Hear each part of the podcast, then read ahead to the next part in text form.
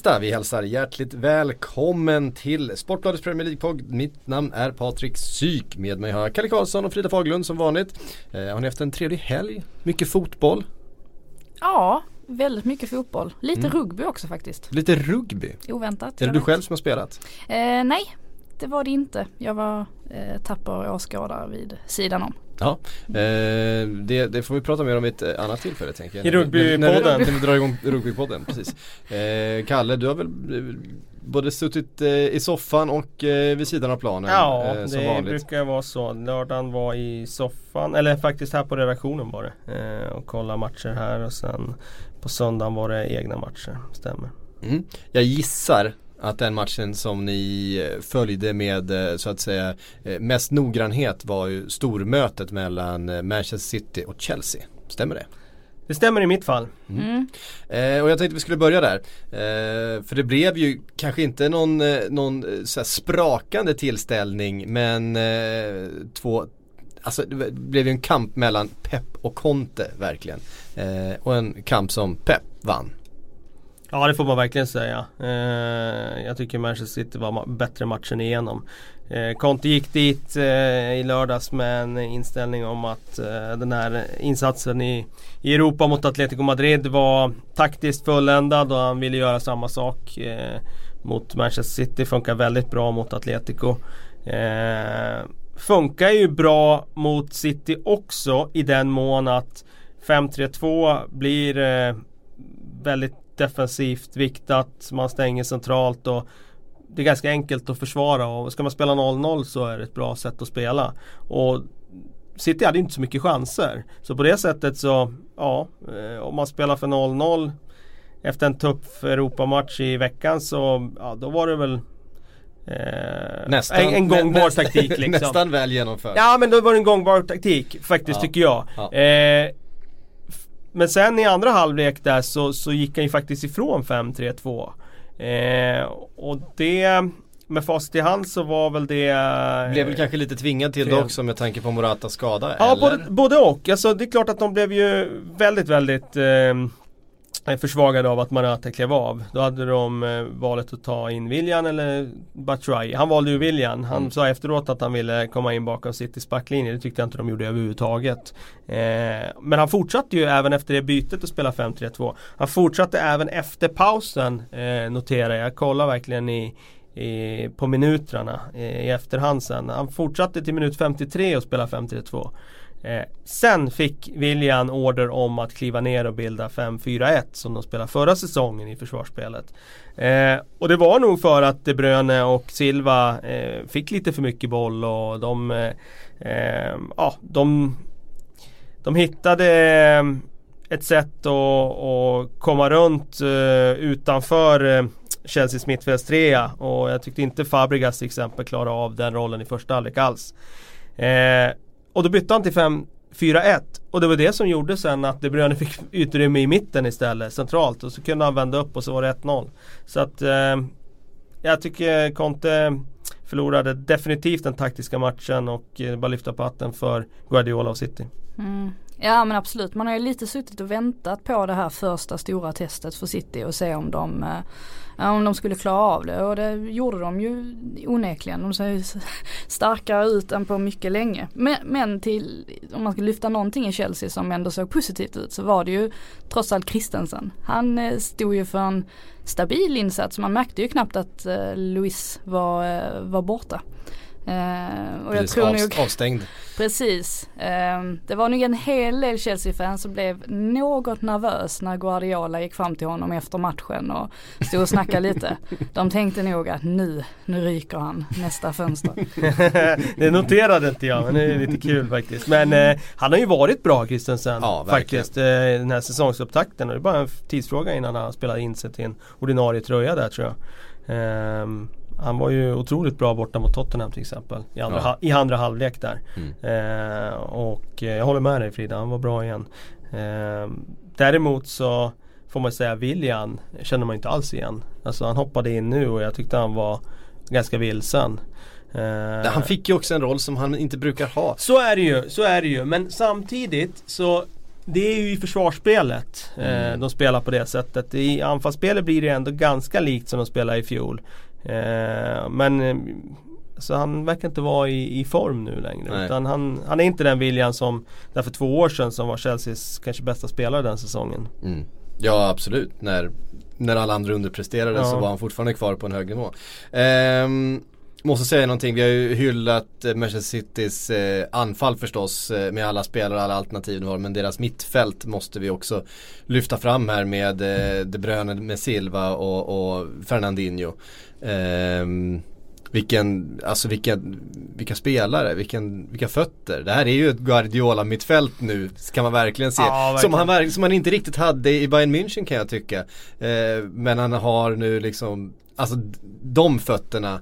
Eh, kanske med undantag då Fernandinho, han behöver kanske inte ha de där riktiga små ytkvaliteterna men De Bruyne och, och Silva går ju, alltså när de står och passar bollen till varandra så är det ju ingen som får, som får, får vara med och leka. Nej verkligen inte. Det är lite symboliskt också att eh, De Bruyne att han fick göra ett sånt kanonmål och mm. göra en sån bra match mot just Chelsea också där han eh, ja, ratades. det är viktigt. Det, det kändes nog lite extra eh, speciellt. Nej men gud vad bra han har varit mm. inledningsvis. Och Fabian Delf som vänsterback.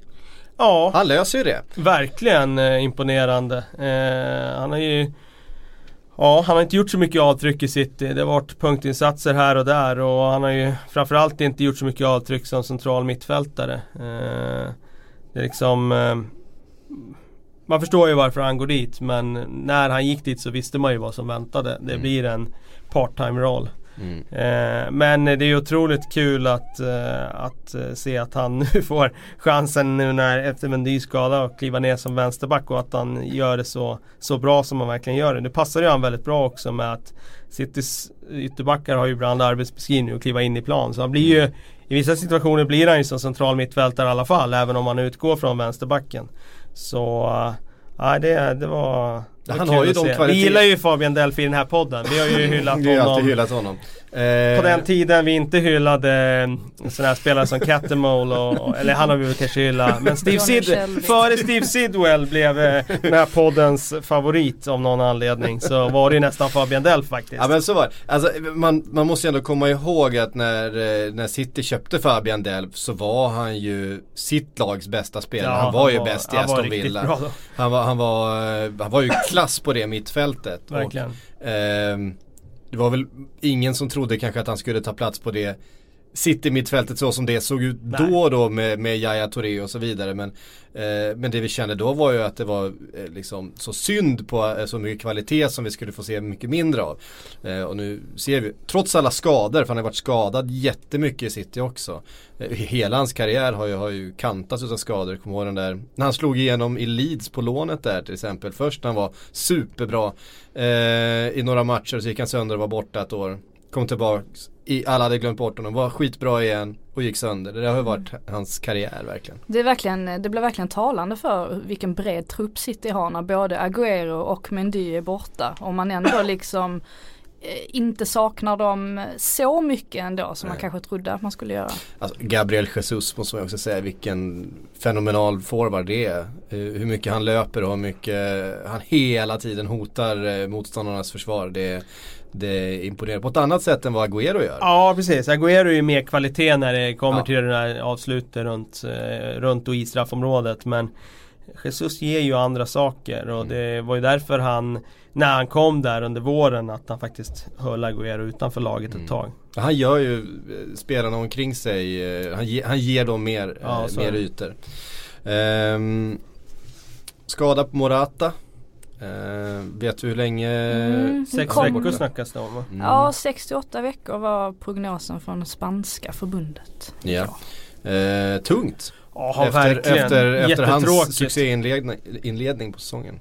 Mm. Jättetråkigt uh, för honom själv nu när han startar så bra men också för Chelsea som givetvis kommer att ja, förlora extremt mycket på det här. Det, de har ju inte jag menar, de har ju ingen striker som kan fylla den rollen. För jag menar, nu visar ju Conte med all önskvärd tydlighet att okej, okay, Batshuayi, han tar jag inte ens in när jag ska in en forward på plan. Nej, nej. Jag tar in William istället. Eh, så att, eh, ja, jag tror han sänkte honom lite grann där också. Mm. Ja, det blir intressant att se hur Conte resonerar framöver här och hur han ställer upp sitt lag. Um, vi, eh, vi konstaterar också att Manchester City eh, kliver upp och leder Premier League just nu efter den här säsongen. Eller efter den här, efter den här matchen, efter den här omgången. Eh, de ligger eh, på samma poäng som Manchester United men har ett eh, mål bättre i målskillnad va? Det är plus 20 och plus 19. De har verkligen, de har ju sprungit ifrån nu. Eh, det var ju lite det som vi pratade om inför säsongen också, det vi misstänkte att det skulle stå mellan Manchester-lagen. Som vi sa redan förra säsongen och så blev det inte riktigt så. Nej. Men den här så, så, så känns det verkligen som att det är två lag som... Det är lång väg att vandra Ja, men precis. det är klart att eh, de ser starka ut och jag menar City hade ju jag som etta inför förra säsongen och jag var Mm. tämligen eh, eh, ja, övertygad om att de skulle vara där uppe i år igen. Så jag satte dem etta igen. Mm. Eh, jag tycker att de, de är det laget som slår. United har också sett starka ut men där väntar vi ju fortfarande på att vi ska se hur vad liksom, hur bra är de när de får ett test? Mm. Ja, City har ju faktiskt fått... De har fått ett test nu, Ja. rejält test Ja. och de kommer därifrån med att de eh, liksom, jag, tror, jag tror Chelsea hade 38% i bollinnehav i den här Mm. matchen och det var lägre eh, Näst lägsta noteringen på hemmaplan sedan eh, 2004, säsongen 2003-2004 Mm. Det säger ganska mycket Ja. Sen, sen är det såklart en följd av att Conte spelar 5-3-2 och inte vill ha bollen men, eh, men ändå Och City är rätt intresserade av att ha den här bollen hela tiden. Eh, de skulle kunna ha den hela säsongen. Det är deras, det är deras mål tror jag. Ja, alltså Ingen skulle de ha det så skulle Guardiola vara mer nöjd med det än eh, ligatiteln och Jag tror, liksom. jag tror det. Eh, United, en till sån här 4-0 seger. De, de, eh, vad är det, fjärde eller femte 4-0 seger? Jag tror de har 4-4-0 och en 4-1 eller något sånt där. Eh, den här säsongen. Va? Nu visserligen mot ett eh, oerhört svagt Crystal Palace. Usch, ja, just det, man fick lite magont när man såg de här stackars eh, Palace-supportrarna på, på läktarna. Alltså det kan inte vara, eh, det Jag, kan inte vara kul nu alltså. Alltså jag känner lite så här. Eh, varför stoppar man in Roy Hodgson? Man visste ju att man skulle ha de här tuffa matcherna nu. Mm. Ehm, alltså det är en sak att, det är en sak att sparka De Boer i situationen så. Men nu hade man tre stycken hopplösa matcher. Matcher man visste man skulle förlora i det eh, läget man var. Varför stoppar man in då? Då får man ju inte den här ny tränare-effekten, den här det händer någonting. För att den kommer ju inte räcka mot det här motståndet. Ja. Stoppa in någon assisterande i några matcher. Låt, låt Roy komma in efter landslagsuppehållet nu där, där matcherna ser lite annorlunda ut. Var det helt omöjligt för den sportsliga ledningen att, eh, att resonera så? eller? Nej, det, det var ju absolut inte omöjligt att resonera så. Så upplever jag att det ofta är när klubbar gör ett tränarbyte. Att man tittar Mm. lite grann. Okej, nu får vi ett paletta matcher där. Det kan vara bra att få en bra start. Alltså så. Precis. Sen kan det ju såklart i värsta fall bli motsatt effekt. Du vinner inte de där enkla matcherna och då blir det ju inte Alltså då blir det inte bra. För nu kommer han ju in, nu kommer han in, när han väl kommer fram till de här matcherna som, som Palace faktiskt kan ta några poäng i. Med världens minuspsyke. Han, så, han så, satt ju så jätteledsen ut på läktarna. Han kan ju se så ledsen Ja, ut, eh, Roy Hodgson. Ja men jag tror ganska många tränare skulle se ganska ledsna ut i det läget han är i. Sitter på Old Trafford med 0-3 och vad- alltså, vad ska Ja. han göra? Han kan inte Ja. sitta där och, och mysa Ja. liksom. Men det ligger ju någonting i det som när eh, Ranieri fick gå och Shakespeare klev upp och eh, tog över. Och det gick ju superbra. Nu har det börjat hacka för dem. Eh, Ja det får man säga. Ja, får man lugnt säga. Ehm, men jag förstår hur du, hur du menar att det kanske inte var helt passande att han kom in just nu. Men sen så tyckte jag också eh, när han pratade efter matchen så, så tog han bara upp hela tiden spelare som saknas. Jag menar de kommer tillbaka, då kommer det bli annorlunda. Eh, och, och stod liksom, och det var nästan så att han, han klamrade sig fast vid det sista hoppet på något sätt. Det, eh, Ja och det känns ju jättekonstigt med två matcher in i liksom sin Ja. eh, Crystal Palace att han, eh, ja, precis. karriär. Ehm, Man undrar ju om, ska, ska de kunna vända detta ens? Alltså, vad har de i nästa, det är Arsenal nästa omgång va? Chelsea va? Är det Chelsea? Är det Chelsea de har nästa omgång? Och, då har de, eh, då har de där tre matcherna var, Mm. eh, som de hade efter han kom in där som var hopplösa. Ja, ja precis, men jag läste ju för sig att de har ju, ännu har de ju inte rekordet i eh, eh, antal eh, mållösa matcher inled, inledningsvis totalt. Det var ett lag 90-91 i fjärde divisionen. I fjärde divisionen. Halifax Town. De gamla gick- fina Halifax. De gick mållösa i åtta, de åtta inledande matcherna. Nu ska jag dra en, en, en tv-spels... Eh, en tv Anekdot från eh, Västervik. Ja, så är det. Eh, därför att när, senast jag spelade ett managerspel, det var nämligen Premier Manager. Det, Ja det var fina tider. det kan ha varit Nu ni- snackar- 95. 95 typ. Ja, Oj. ja. ja, och då spelade jag upp Halifax Town eh, från då fjärde divisionen upp och vann Premier League. ja det är stort. Så Och det ska tilläggas att Halifax Town klarade sig trots allt från degradering. Ja det är, det är bra Ja, bonusinfo. det, är kommer, det, det kommer inte Crystal Palace göra. Det är rätt säker på. Nej det måste ju hända något eh, riktigt extremt här. Sen, alltså man känner igen också det här när det går emot, och går allt emot. Alltså vad ska de göra när de åker till Old Trafford med Bakary Sakho som, eh, som forward? De har ingen Mm. liksom forward som är hel och det blir som Ja vad fan ska de göra? Man tycker så extremt, jag tycker extremt synd om, om Roy. Fansen säger du, men Roy också för Ja, du sitter där med bakbundna händer och det är liksom, du känner ju bara att ja, det, det, det, det spelar inte så stor roll vad vi gör Nej. här och nu liksom. Nej. Allt går emot. Ja. Eh, fälla in i målprotokollet igen. Ja, eh, det är ju eh, trevligt för honom. eh, nej men eh, får, jag säga Det är lite som den där humlan som flyger. du vet, Har han inte- petat Pogba nu? Ja, ja det har han ju gjort, absolut. Eh, exakt.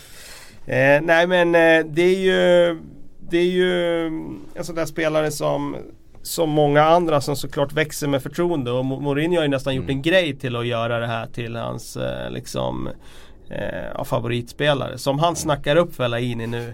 Det, då skulle man ju tro att det är De Bruyne han har liksom att latcha med. Men ehm, Fair point, alltså Mourinho, han passar ju bra i ett Mourinho-lag. Ja, absolut. Alltså, och framförallt tycker jag att han passar bra fortfarande som plan B. Nu var han ju Ja. plan A i den här matchen och det är ju bara att eh, konstatera att det han, får han inlägg liksom så kan han ju vara vass i boxen. Mm. Jag tyckte det var problemet när Rashford, Rashfords frispark där som han eh, sätter, sätter en vrist i pannan på, Ja den är fin. på Fellaini. Han bara står där. Men det tycker jag var problemet om man tar då parallellen till när, när han spelade under Louis van Gaal. Då spelar han ju defensivt, man kommer aldrig in i, i straffområdet. Nej. Eller om det var under Moyes, jag minns inte nu om det var då, så också då. Men då är det ju helt värdelöst att ha honom på plan. För att han kommer ju aldrig vara någon som börjar tick-tack på mittfältet och börjar styra rytmen. Utan han måste ju vara i straffområdet när inläggen kommer. Det är där han gör nytta och det, ja, det såg vi att han gjorde nu. Mm. Eh, och Lukaku slog till igen.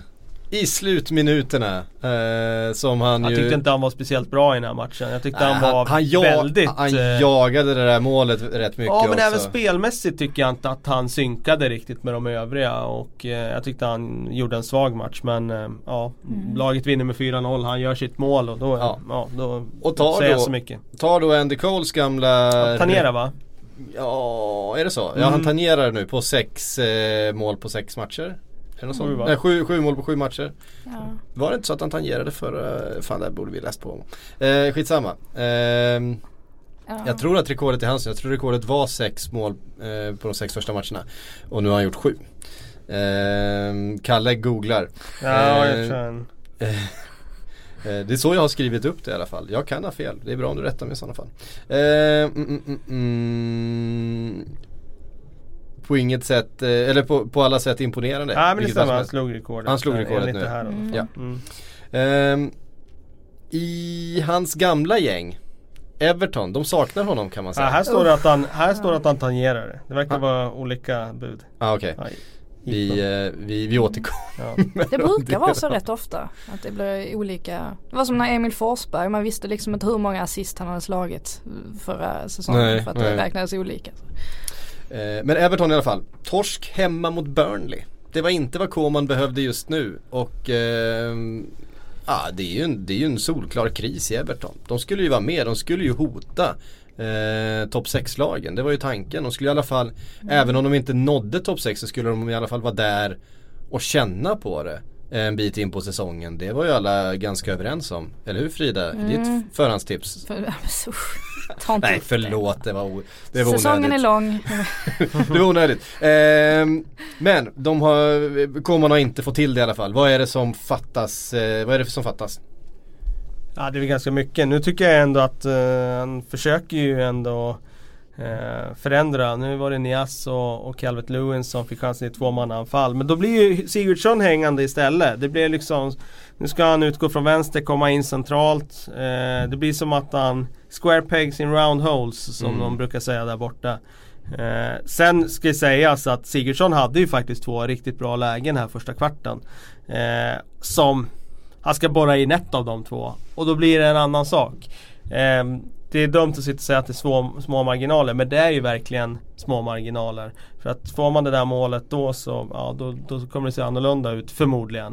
Eh, med det sagt så tycker jag väl fortfarande att det är den där offensiven som, som har det riktigt, riktigt kämpigt. Jag tycker inte de har länkarna riktigt fram. Eh, de hittar inte riktigt eh, eh, bra spelmönster. Och man trodde kanske Sigurdsson skulle bli den spelaren men han har inte ännu fått den rollen så att han har kunnat spela ut sitt register.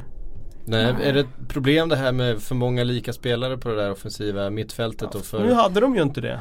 Nu spelar de ju inte med Rooney från start Nej. och sådär. Nu spelar de ju inte med Klasen från start. Utan nu var ju Sigurdsson ensam från start av den trion. Och, mm.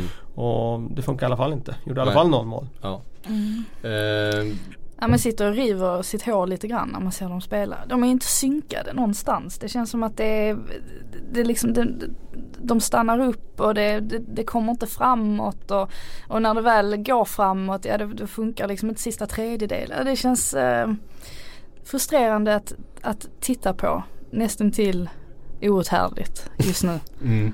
eh, Burnley får vi också hylla då samtidigt som jag inlett den här säsongen väldigt, väldigt bra. Ja, eh, verkligen och vi har ju hyllat dem tidigare här, inte minst efter premiären här redan mm. då.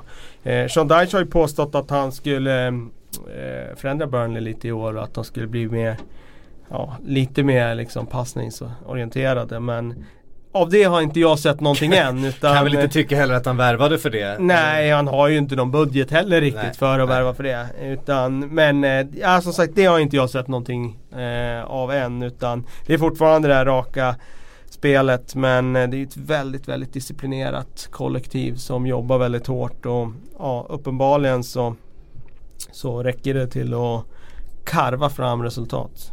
Mm. Eh, ja, det gör de. Verkligen och, och kommer till att vara svårslagna.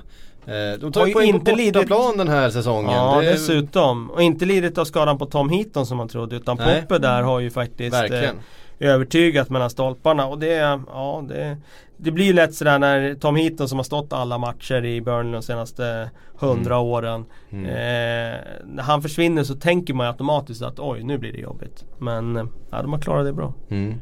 Eh, måste också känts lite för eh, Michael Keane. Eh, som ju lämnat Burnley för Everton. Eh, och då eh, får stryk på Goodison Park. Ja. Eh, mot det lilla laget han har lämnat för det stora. Mm. Så kan det vara. Och en liten, liten fjäder i hatten för Sean Dyche. En ganska stor fjäder i hatten. Ja, eh, men, men, Burnley har då alltså vunnit på Goodison Park, de har vunnit på Stanley Park. Mm. Eh, de har eh, kryssat på Anfield.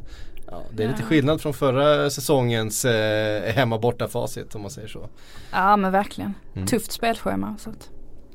Eh, på Stanley Park, sa jag det? Ja du sa Park. Ja, jag var kvar i Liverpool där. Mm -hmm. Stanford Bridge menar jag. Mm -hmm. mm, mm, Ja men Liverpool då, då får det bli segway över till, eh, till eh, Rafa Benites derbyt uppe på eh, uppe i Newcastle. Ja. 1-1 eh, Missade chanser återigen för Liverpool som för stunden bara inte kan göra mål. Eller ja, Liv eh, mm, Coutinho, Coutinho kunde. Precis, han, eh, han, gör ju som han brukar göra och smällde in ett från distans då men eh, eh annars var det ju en kavalkad igen och sen så får eh, Står mittbackarna och sover och sen så springs det igenom. Och sen så lite slumpartat som det brukar vara via liksom en brytning ett benskydd så trillar den in och så, så är det ett kryss igen för Liverpool. Ja, ehm, och någonstans så börjar väl Klopps ursäkter ta slut lite grann. Han upprepar samma sak efter matcherna som han har gjort hela hela den här eh, inledningen på säsongen eh, pratar om eh, orättvisa resultat. Eh, pratar om att eh, äh, slumpbollar hit och dit som leder till mål och så vidare. Um, och så tänker man lite att, ja, billiga ursäkter kanske. Eh, sen samtidigt, eh, vad, vad ska han säga? Mm. Eh, det är ju till viss del sant. Eh, att det är, det är mycket Alltså det är bollar som inte går in helt enkelt om man har fört matcherna och varit Verkligen, varit i den här matchen, de ska ju bara vinna den. Ja. Eh, och de har ju varit det bästa, det bättre laget i, i liksom de flesta av sina senare, alltså matcherna på senaste veckan som man inte har vunnit. Eh, men bollarna vill inte in och samtidigt så vet vi att det alltid trillar in någonting bakåt mm. eh, med det här laget. Eh, vad, vad, vad, ska han vad ska, alltså, han ta sig till? Vad ska, vad ska han ta sig till för att det ska börja gå innanför stolparna istället?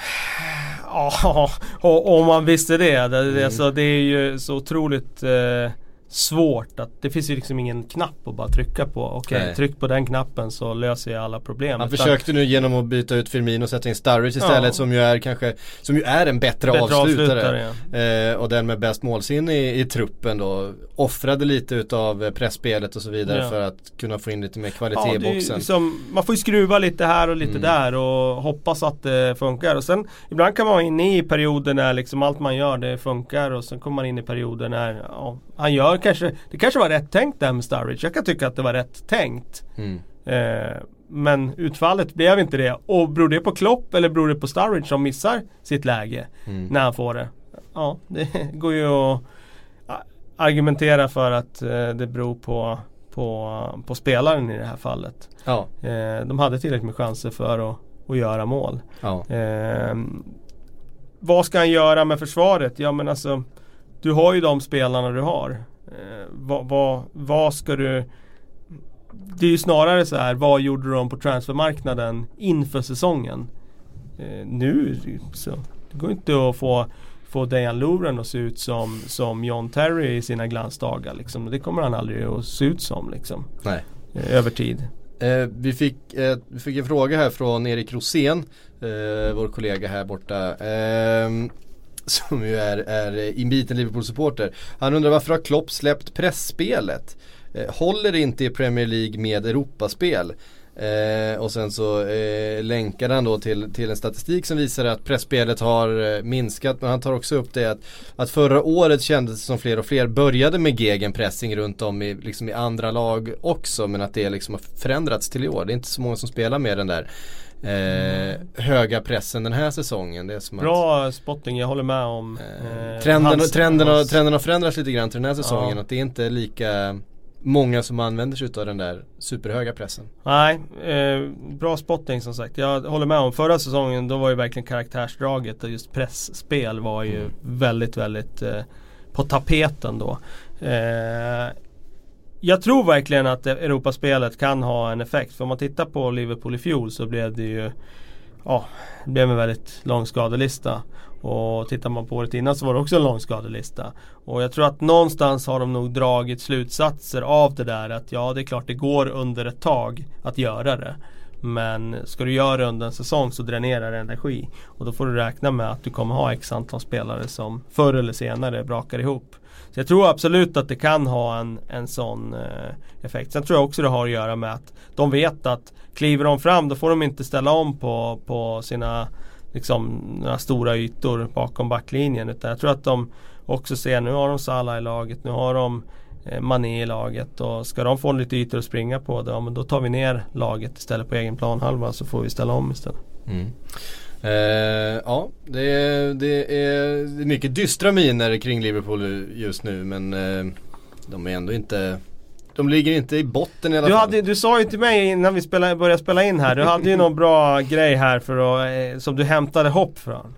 Ja det var någon som, som skickade till mig för en liten stund sedan att The corresponding fixtures som man säger från förra säsongen, alltså motsvarande matcher då som man har spelat eh, Leicester borta, Burnley hemma och de här som de har spelat Så har man faktiskt tagit en poäng mer den här säsongen än vad man gjorde förra säsongen. Ja du ser. Eh, Flexibility is great, that's why there's yoga Flexibility for your insurance coverage is great too That's why there's United Healthcare Insurance Plans. Underwritten by Golden Rule Insurance Company, United Healthcare Insurance Plans offer flexible, budget friendly coverage for medical, vision, dental, and more.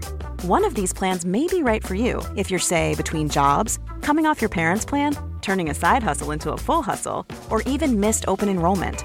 Want more flexibility? Find out more about United Healthcare Insurance Plans at uh1.com. Eh, det säger ju ganska lite å andra sidan. Det säger inte så mycket men eh, det är en bra Eh. positiv take på det hela. Ja ah, precis, får, man får inte ge upp. Man får inte ge upp. Eh, mm, Harry Kane Frida. Hur bra är han?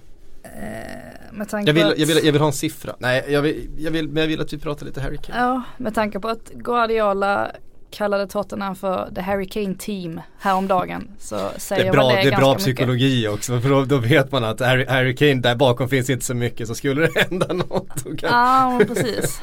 Ehm, nej men han har ju, han har ju Han har varit inte fel. Eh, han har ju varit utomjordisk eh, Mm. får man ju säga. Det, det säger en del också när diskussionen börjar handla om varför han byts ut i så många matcher. Folk tycker liksom att han ska vara kvar, alla förutom Alan Shearer för han är ju rädd för att förlora sitt rekord nu här. Men alla förutom Shearer vill ju att han ska vara kvar så att han, för det känns som, som han kan göra mål på allt ju. Ja.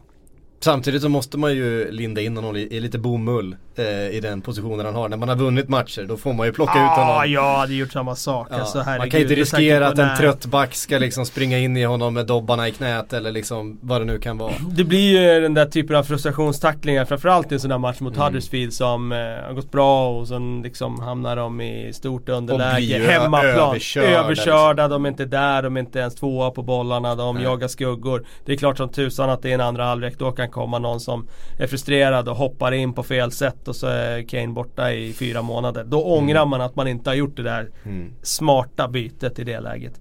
Eh, jag tycker att han är den bästa strikern i världen just nu. Eh, jag ser ingen annan som skulle vara bättre här och nu.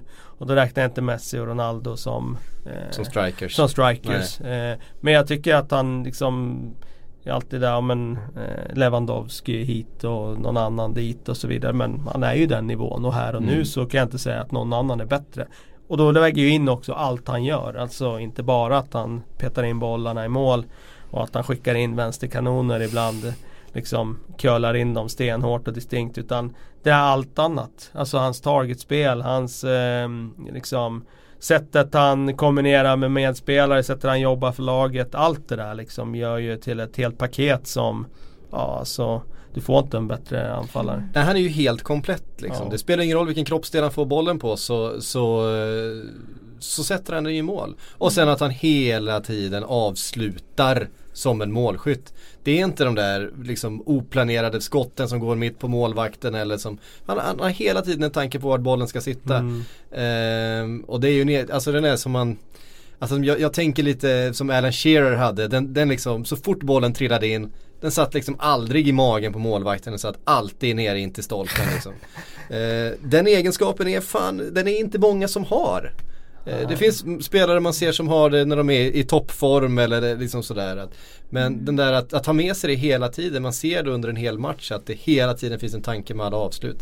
Eh, jag är sjukt imponerad utav det. Och sen också att han är, har den här mentaliteten och hoppas, hoppas, hoppas att han behåller den. Att han är fortfarande en lagspelare liksom. Mm. Eh, jag ser inte ett uns av någon slags stivighet hos honom. Att nu har han blivit världsstjärna och så liksom drar han ner några procent för, på sitt arbete. Eller bara i det här, han är fortfarande led, det är han som leder Tottenham från fronten. Så att, äh, det, det har bara helt enkelt utvecklats till en världsspelare. Ja men det där är ju lite kul också, det är just det där med ödmjukheten som man hör eh, i alla intervjuer han gör. Men det var så kul när han blev intervjuad eh, efter matchen mot Huddersfield och så sa reportern Ja nu har du gjort eh, 12 mål i, i september och så sa han ah, 13, 13, är det faktiskt 13. med Ja för det är det som är grejen. Det, det, det, det är ju är ju ödmjukheten i sitt spel och, och, och hur han jobbar för laget och hur han ser sig själv som en, som en Men det är ju en kille med ett enormt självförtroende. Alltså besluten han fattar när han vågar ta avslut där andra spelar runt. Han vågar göra den där dragningen. Alltså ibland när man ser honom helt själv på offensiv planhalva och man tänker att ja men de flesta, du, du själv mot en eller två backar här i någon slags omställning. Ja, här måste vi vänta in resten.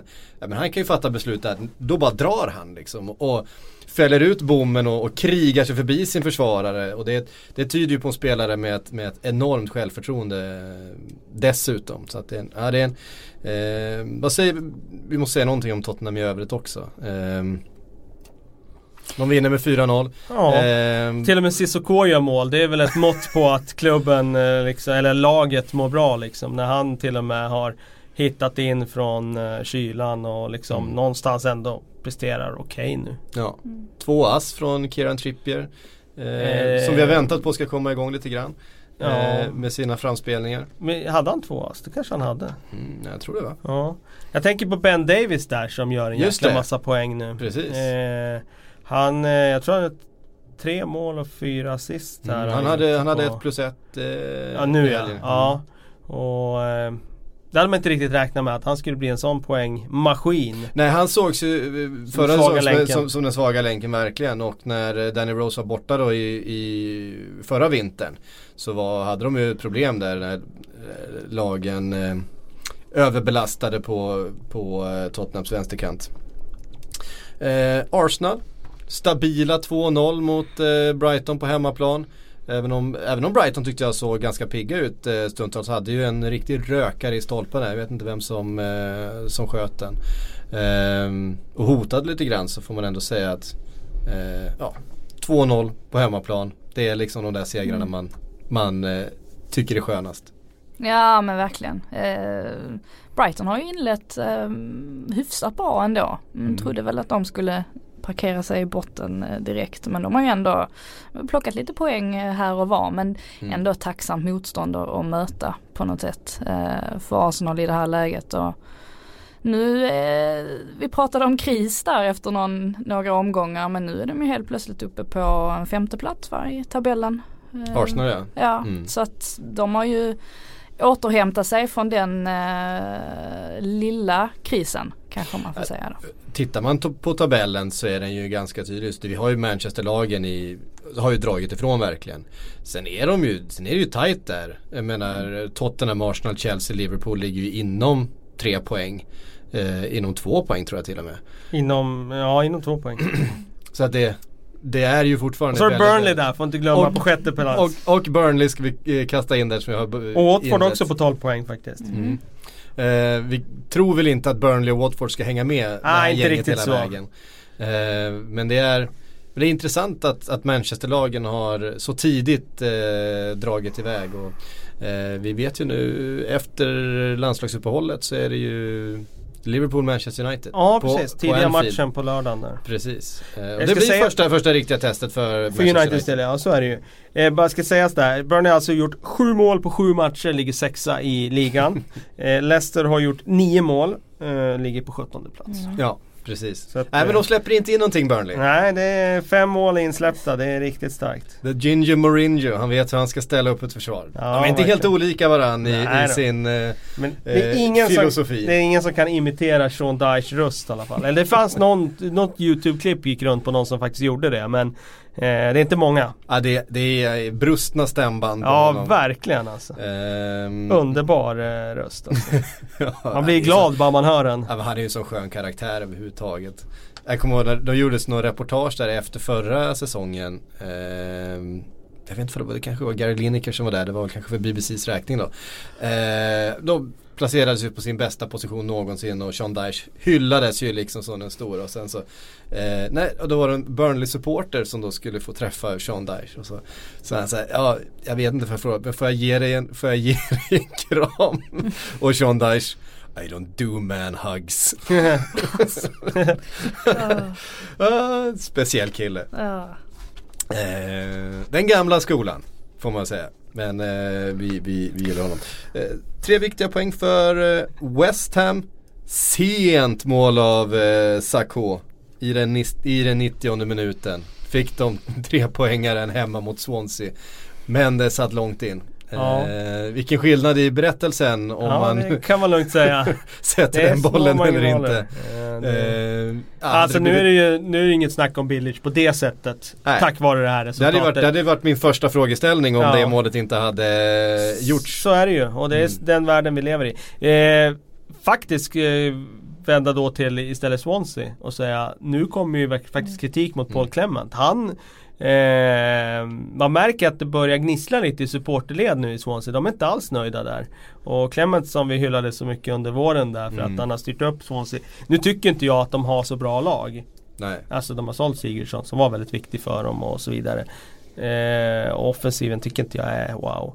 Men eh, eh, det börjar blåsa lite för, för Clement och de börjar ifrågasätta lite av de valen han gör. Mm.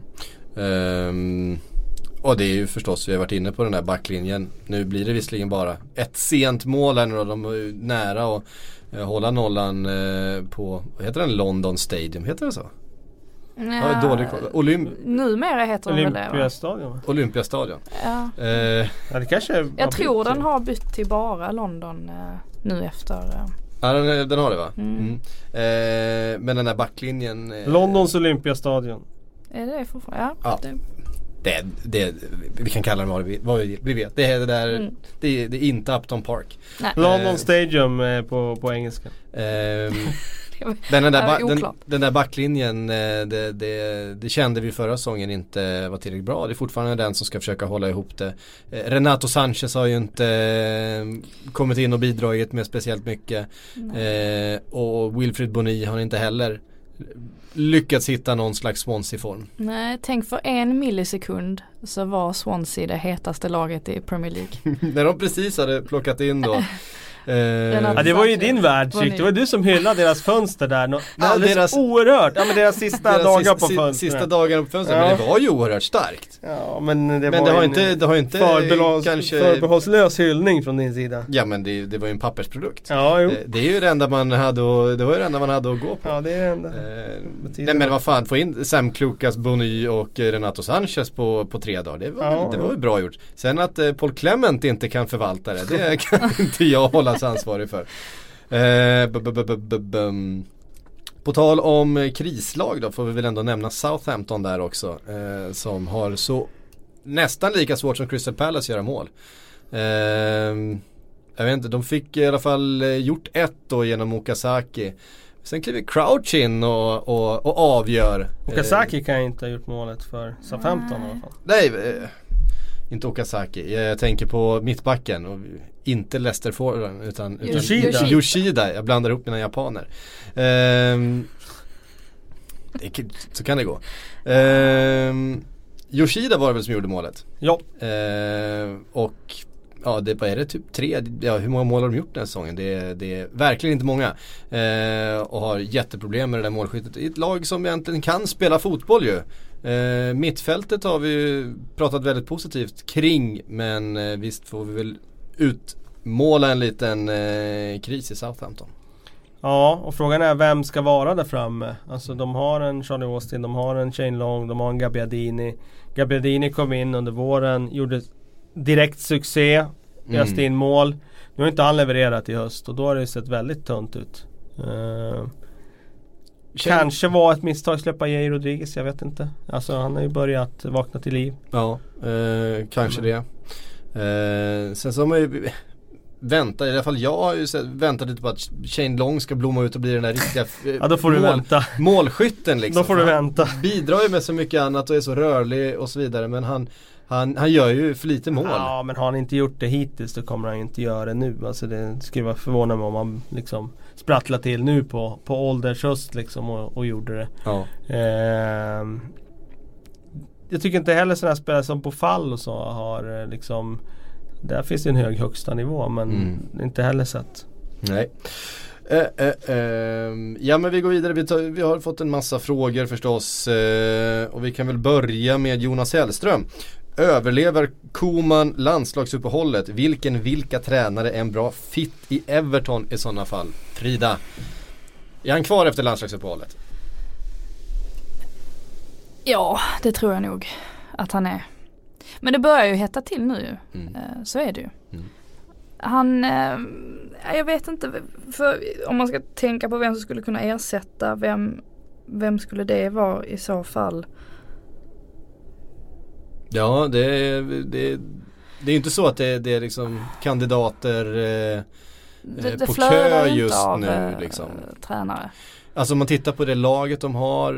Kalle, hade du plockat in en, en eh, spelare från eh, något annat land eller hade du plockat in någon brittisk tränare i första hand?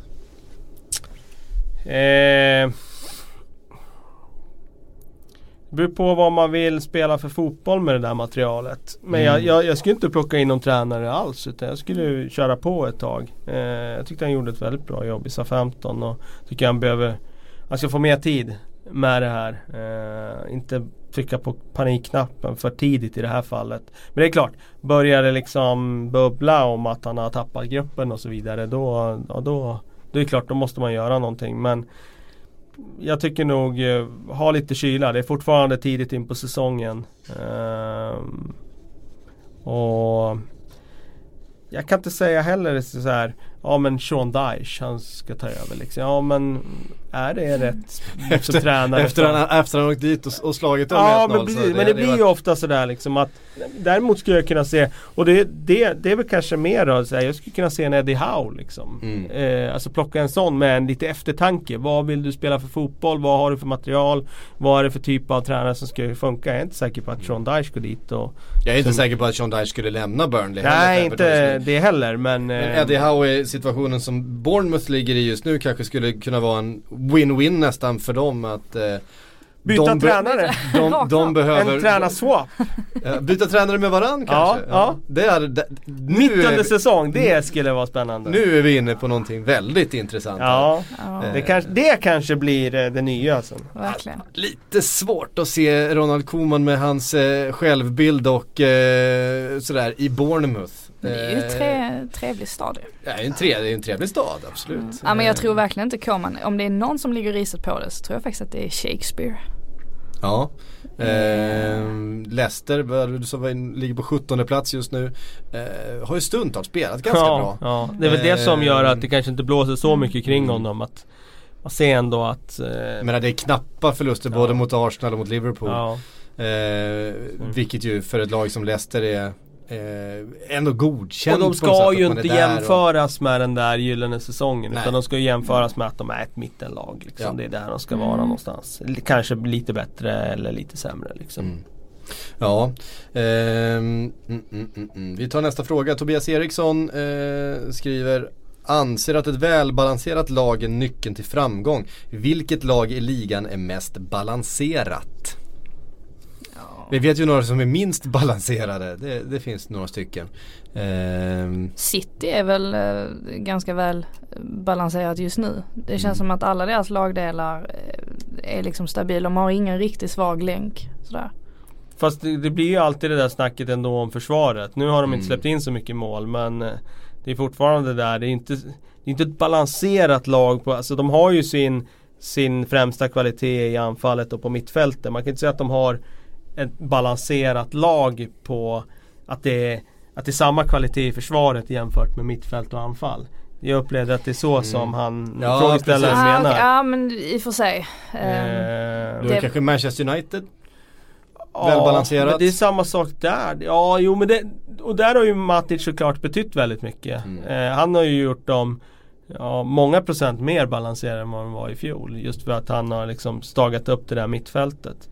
Men eh, välbalanserat. Eh, jag tänker på eh, Ja men Burnley är välbalanserat. Om vi Mm. bara snackar välbalanserat. Det är ju Spela efter sina resurser. De har ungefär ehm, Liksom De har eh, Defensivt lagda spelare där de behöver ha defensivt lagda spelare. De har plats för en Defour ibland när solen skiner och så vidare. Ehm, ja, nej, men de tycker jag är välbalanserade. Mm. Och det är därför de tar sina poäng för de har ju inte mer kvalitet än något annat lag. Nej, eller så är det.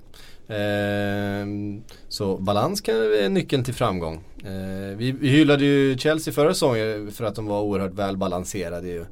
Eh, försvar, mittfält. Ja, då spelar Matic liksom. där. Och då spelade Matic på mittfältet eh, med Kanté. Eh, Hampus von Platen eh, skriver, är det en styrka eller ett problem att United har två spelare i form på samma position i Rashford och, och Martial? Ingen förtjänar bänken. Vem hade du startat Frida?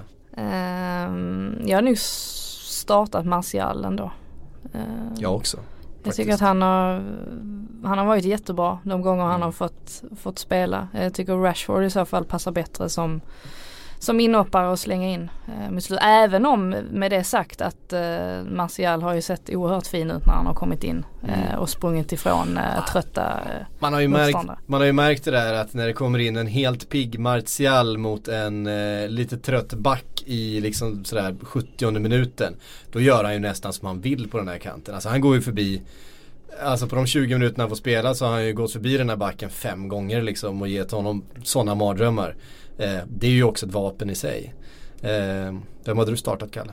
Ja, Eller hade du skohornat in dem båda två på något sätt? Nej, eh, båda Ja, där kan vi snacka balans. Där har de ju väldigt bra balans på sitt mittfält. Om vi pratar United och balans. Så om man tittar på offensiva mittfältet där. De har en vänsterkant med en spelare som är bra på att utmana. Du har en Mkhitaryan som är jättebra på att slå fram den sista passningen. Och på att vara rörlig och driva fram boll med fart och liksom lite omställningsspelare. Så har du en Mata som är jättebra på att styra rytmen och också jättebra sista tredjedel såklart men också kan bidra med poäng eh, i form av målassist. Eh, jag hade startat Rashford eh, för att eh, jag tycker att han är inte nödvändigtvis bättre men just av den anledningen som du är inne på där med att när Martial har kommit in så det har ju uppenbarligen varit väldigt väldigt framgångsrikt och spelar de på det här sättet. Eh, sen finns det säkert matcher där Martial är ett bättre val men just här och nu hade jag startat Rashford. Låta han springa de där ytterbackarna trötta och sen har jag stoppat in Martial med 25 kvar och fått den effekten som de får just nu. Att han är helt dominant sista 20 i matcherna. Mm. Eh, mm, mm. Viktor Samson Turdek. Det var ett svårt namn. Eh, som tränare, hade Kalle Karlsson varit orolig i Klopps sits med alla missade lägen eller löser sig sånt? Ja, så kan jag tala av egen erfarenhet där att eh, har du lägen då är du mindre orolig tycker jag. Eh, då blir det ändå någon slags att säga, ja men det kommer. Då kan du alltid peka på att det kommer. Om du inte skapar läge, det är mycket värre. Alltså det är mer frustrerande. För att eh, liksom vad ska vi göra för att ta oss till lägena? Det blir liksom steg nummer ett då och det, det tycker jag är värre än att ta sig till lägena. Eh, så att eh, Nej, han ska inte vara orolig över det här med lägena. Det tycker jag inte. Det kommer komma. Det han ska vara orolig över det är ju försvaren att det liksom återkommande blir de här enkla misstagen. För det är återigen, det finns ingen knapp som han kan trycka på bara Okej, okay, nu slutar vi göra ge bort billiga mål liksom. Mm. Alltså det, är, det är en större fråga än så. Han har de försvararna han har och han har också ett spelsätt som gör att det är klart att du, du blir utlämnad på ett visst sätt om du kanske har ett offensivt viktat mittfält som, som Liverpool har. Mm. Hade de haft Matic och Kanté som hade stått, stått där framför som, som två pjäser liksom, ja, då hade de inte blivit lika blottade. Så att eh, jag eh, tycker inte han ska vara så orolig över missade chanser. Han ska vara mer orolig över försvaret. Intressant också att det är fortfarande van Dijk det pratas om och det snackas om att det ska bli januari då. Men han har ju inte direkt inlett den här säsongen och de matcherna han har spelat. Han var ju Ingen rivstart direkt. han var usel mot Stoke nu i helgen ju. Orsakade väl den där straffen va? Vi tappade markering i straffområdet på fast situation och han såg ut som, eh, som, som en Liverpool-back. Ja men han har inte huvudet där tror jag. Jag tror det är så enkelt liksom. Han, är, han mentalt sett så har inte säsongen startat för honom. Uh, och det, blir, det är ju mycket upp till, till honom själv liksom. Att uh, förstå att om han spelar så här då kommer han ju aldrig få någon flytt till någon bättre klubb. Utan får du inte din flytt då är det bara att visa än en gång liksom att du ska förtjäna den. Det liksom, uh, och där har han lite hemläxa att göra. Han ser inte riktigt ut som en 700 miljoner spelare just nu. om man säger så. Nej. Mm, mm, mm, Oliver T Jernberg skriver, är Citys försvar bara ett luftslott eller har Pep fått till sin backlinje till slut? Du var inne på det lite Frida, att de, eh, för de, de släpper ju faktiskt inte in nästan några mål alls. Nej, alltså det var ju i matchen mot Liverpool så såg man ju alltså att de inte riktigt hängde med eh, Mané och, och Firmino och, och gänget. Otamendi han såg ut som en kon då liksom som bara rundades. Eh, så det är väl klart men jag tycker alltså generellt eh, Peps största främsta uppgift den här sommaren var att förstärka försvaret och det har han gjort ju. Alltså det är, det är ingenting vi sitter eh, som nu efter varje Liverpools match liksom så sitter vi och, och, och, pekar ut bristerna i försvaret. Det tycker jag inte man gör längre. och Stones som har blivit så kritiserad så jag tycker han har, har spelat upp sig och, och, kommit in jättebra i lag. Han förtjänar faktiskt att hyllas betydligt mer än mm. vad, han, vad han gör. Mm. Um, För mycket snabbhet med styrka med Kyle Walker också. Ja. Och sådär defensiva och, och omställningar. Mendy har ju också varit fantastiskt bra eh, ja. fram till han gick sönder. Ja, och två sådana ytterbackar som är starka och snabba. Det är, de defensiva omställningarna, det är klart de har lättare att komma hem på rätt sida än vad en eh, back har som inte har den snabbheten. Så att jag tror att de Walker är ingen dum värvning även om han kostar väldigt mycket och det är ett överpris och så vidare. Så han betyder mycket för City. Mm. Eh, vi fyller på då med Adam Segerfeldts fråga vad våra tankar är om Ederson. Ja, eh, jag gillar ju Ederson alltså. Nej men eh, nu fick Frida något varmt i blicken här helt plötsligt. Ja men i vissa spelare blir man extra, det kanske var efter att han fick den där smällen att han, eh, av Mané, att han ändå mm. Står nästa match igen. Det inger respekt på något sätt. Ja men alltså att han, att han överhuvudtaget går dit faktiskt, att han kliver in där. Det är ju en mentalitet du måste framförallt ha i, i Premier League därför att det är så mycket dueller med målvakten inblandade. Mer än i andra ligor. Att han har det, det huvudet att han, kan, att han vågar kliva in i, i, eh, i smällarna och ta en för laget. Sen var det ju ganska tacksamt ändå att komma in som Bravos ersättare som, som ändå som inte, inte har det. levt upp. Eh, som såg ut som han tvekade varje gång det var en, en, en pastej på väg in. Eh, men han har sett, eh, han har sett stabil bra ut. Ja. ja. stabil och Han var inte heller billig ska vi ju också då Nej men eh, Vi har sett andra målvakter som har kostat som kanske inte har motsvarar förväntningarna. Vi eh, har ju fått en målvakt nu som både kan rädda bollar och som har bra fötter. Mm. Och jag tycker han har minst lika bra fötter som Bravo. Så att eh, det, det, ser ut som ett riktigt bra köp för en, en klubb som inte hade någon trygghet alls i fjol. Mm. Eh, El Jocko undrar eh, hur kommer eh, Manchester United klara sig när de möter ett annat storlag? Eh, när kommer Niva och när ska ni prata om Tottenham som ett storlag? Eh, ja, ett storlag är de ju inte. De är ett bra lag. Men ett storlag så måste du ju ha lite titlar att eh, visa upp i, i troféskåpet och eh, ja, Titlar har de ju i och för sig men det var ett tag sedan. Ja. Men du menar kanske att de har vunnit titlar här och nu i den moderna Ja liksom... men om liksom- man ska jämföra dem med, med ett Chelsea eller ett Manchester United eller ett Manchester City just nu då eller, Så bör man ha vunnit ligan Eller så. ett Arsenal mm. för den delen. Man måste kanske ha gjort någonting ute i Europa och, och Eller Liverpool Ja, de vet inte, jag vet inte ifall jag skulle kalla Liverpool ett ja, storlag. Ja, de är är på ett annat sätt. De är en stor klubb. De är en stor klubb i, ja. liksom, eh, som varumärke och så vidare. Ja. Eh, det är ju bara att titta på, på Tottenham om man ska vara ekonom och titta på Tottenham som varumärke och vilka intäkter de har och omsättningar så ligger de ju efter de övriga eh, lagen i toppen. Så så att, och eh, även när det handlar om eh, support i Sverige så, så är det ju extremt ja, så, för de tre stora. Så, Liverpool i synnerhet men sen ja. Manchester United och Arsenal på god andra och tredje plats där. Ja. De tre är ju eh, ja, det, de gjorde ju den där undersökningen. Vi märker ju det ganska Vi märker tydligt, det ganska liksom. tydligt i, i, eh, i vad folk läser och vad folk mm. köper plus och så vidare. Mm. Eh, så är det. Men de är ett väldigt bra lag. De är ett topplag. Det är, det är de sannerligen. Eh, så är det och har varit eh, under några säsonger nu. Niva kommer inte komma till podden eh, förrän han är tillbaka från pappaledighet vad jag antar. Nej precis, det blir väl till sommaren kanske. sommaren? eh, ja visst är det så. Ja men till våren då i alla fall. Ja, något sånt. Eh, eh, eh, jag tänkte Senvåren kanske Senvåren. Nästan sommar det vill säga. Nu, nu har vi ringat in det tror jag. Eh, Vi avslutar här, John Moss vill att vi ska sätta upp en elva med vänsterfotade spelare. Och det är klart, det, det kan inte vara så svårt. Vi har gått om vänsterfotade Men spelare. vadå, som i kommer- Premier League här och nu eller Ja, någonsin nej, i Premier nej, League? i Premier League här och nu. Annars, Här och nu? annars, så, annars så har vi Maradona på alla positioner. Ja. Eh, Målvakt blir Pet- inte så svårt ja. Peter Käcker Ederson i mål Mm. eller? Ederson Ja. har vänsterfot va? Eh, det är en bra fråga, ja, det jag vet jag osäker inte. på. Ja. Men Pet, Peter Käcker är ju bra. var ju länge är inte Courtois eh, vänsterfotad? Jo det är han. Ja, då är det Courtois ja, som in där. faktiskt. Eh, vänsterbackar, det är ju bara att ta nästan vilken vänsterback som helst. Ja, man tar väl den bästa antar jag. Ja. Eh, är det, ja, Danny Rose är ju inte bäst här just Nej, nu Mendy. kanske men, men Mendy. Ja, Mendy. Eh, vänsterfotade innebackar. Ja, vad har vi där? Vi har ju till exempel eh, Vi har ju Har vi inte så många bra men Fertongen kanske då? Ja, han är ju vänsterfotad. Ja. Ehm, Bajy är högerfotad. Ja.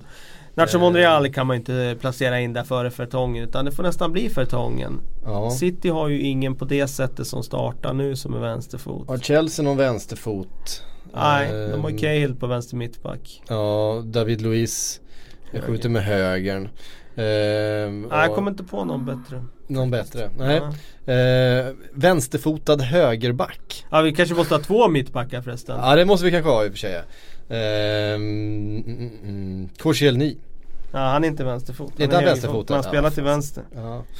Ehm, Ja, jag, vad dåligt det var med vänsterfotade mittbackar. Jag måste, Eh. jag måste kolla vad jag har för, för lag i eh, divisionen. Det brukar ge sig då. Ja, ehm, precis. Eh, Dejan vi- Lovren är vänsterfotad. Nej, han är högerfot. Va? Ja, jag trodde han var vänsterfot också en gång i tiden. Men han är vi får sätta ner Gareth Barry där annars. Ja, precis. Han är väl vänsterfotad? Mm. Han är vänsterfotad. Nej, inte mittback. Så det Nej precis. faller ju på det. Ja, Ah, den är svår den där. Alltså, det är inte många bra alltså. nej. Jonas Olsson har nästan slagit sig in. Nej, Nej inte, Ja, skitsamma överdriva. Eh, ett mittfält med vänsterfotade spelare. Oj. David. Silva. David Silva är, är ett eh, bra bud, det tycker jag också. Mm. Ja. Ehm, Ösel platsar inte riktigt va? ja, I den här elvan. I den här elvan. Det är ju snack om att, ja, Juan. Mata kanske man skulle ha in före Özil. Mm. Eh, så som de spelar just nu. Ehm, Um, mm, mm, då Wijnaldum. har vi mer. Mohamed Salah. Salah på nytter. Mm. Ja. Han är ju väldigt vänsterfotad. ja, det får man säga. han kan fan inte knappt driva bollen med högerfoten. Ja, det får man säga. Ehm, Och sen Lukaku längst fram eller? Sané. eh, Sané vänsterfotad ja, där har vi ju två bra yttrar. Ja. Ehm, och sen ett tvåmannaanfall Lukaku är ju... Lukaku förstås. Ja. Eh, om någon ytterligare vänsterfotad, ja en Sturridge Striker. kanske. ja, Sturridge skulle kunna vara. Ehm, Giroud. Giroud, precis. En, eh, en, power, en power duo med Giroud Ja. och Lukaku. Mm. Jag är ändå Eh. inte nöjd riktigt med elvan. Jag trodde vi skulle komma upp med en bättre elva faktiskt. Ja, fan det, jag, jag, inser att jag, jag har svårt att komma på vilka som är vänsterfotade. Ja, alltså man kan ju spela Daley Blind såklart som mittback. Då blir ju han en Ja, vänsterfotad man mittback. Eh, Men jag tänkte jag skulle hitta bättre. Men har vi inte bättre vänsterfotade mittbackar? Det, jag blev eh, helt eh, så här, fan har vi inte bättre spelare än så? Det kanske vi inte har. För Arsenal har ju ingen. Nej. Chelsea har ju ingen i elvan heller. Manchester United har ju ingen. Eh, ja det är blind när han går in som eh, vänsterfotad mittback. City har ju ingen heller. Eh, Nej, Otamendi är inte vänsterfotad. Nej, Stones, inte kompani. Eh. Nej, inte något som är bra liksom. nej. Nej, så det var, det var svårt. Det var ont om vänsterfotade mittbackar. Ja, Är det det man ska, är det det man ska sätta sina aktier på då? Om man hittar en, en, en bra talangfull vänsterfotad mittback. Då Det kommer det all- gå för mycket pengar. Det är alltid bra med Tillgång och vänster- efterfrågan. Nej men med vänsterfotade mittbackar det är ju alltid bra alltså. Ja, Det är- märkligt att det är så få då. Är, Ja. det så att, är det så att eh, vänsterfötterna eftersom de är färre alltid, kreativare liksom ja, men all, alltid har fått spela ytterback och ytter för att man vill ha Ja, Man har klassiskt i ungdomslagen alltid velat ha den där vänsterfoten ute på kanten för att Så. slå inläggen och gå runt. Ja så kan Det det är vara. Så- ja, Tidigt i åldern inte har fostrats då till mittbackar. intressant observation. Mm. faktiskt. Det, det, jag kanske är något på spåren här. Mm. Det var en, en, en extrem lekmansgissning men nå- någonstans så, så har väl eh, fenomenet eh, eh, sitt ursprung. Eh, hörde ni, det var faktiskt allt vi eh, hann med. Skicka in era vänsterfotade älvor till oss så hörs vi om en vecka igen.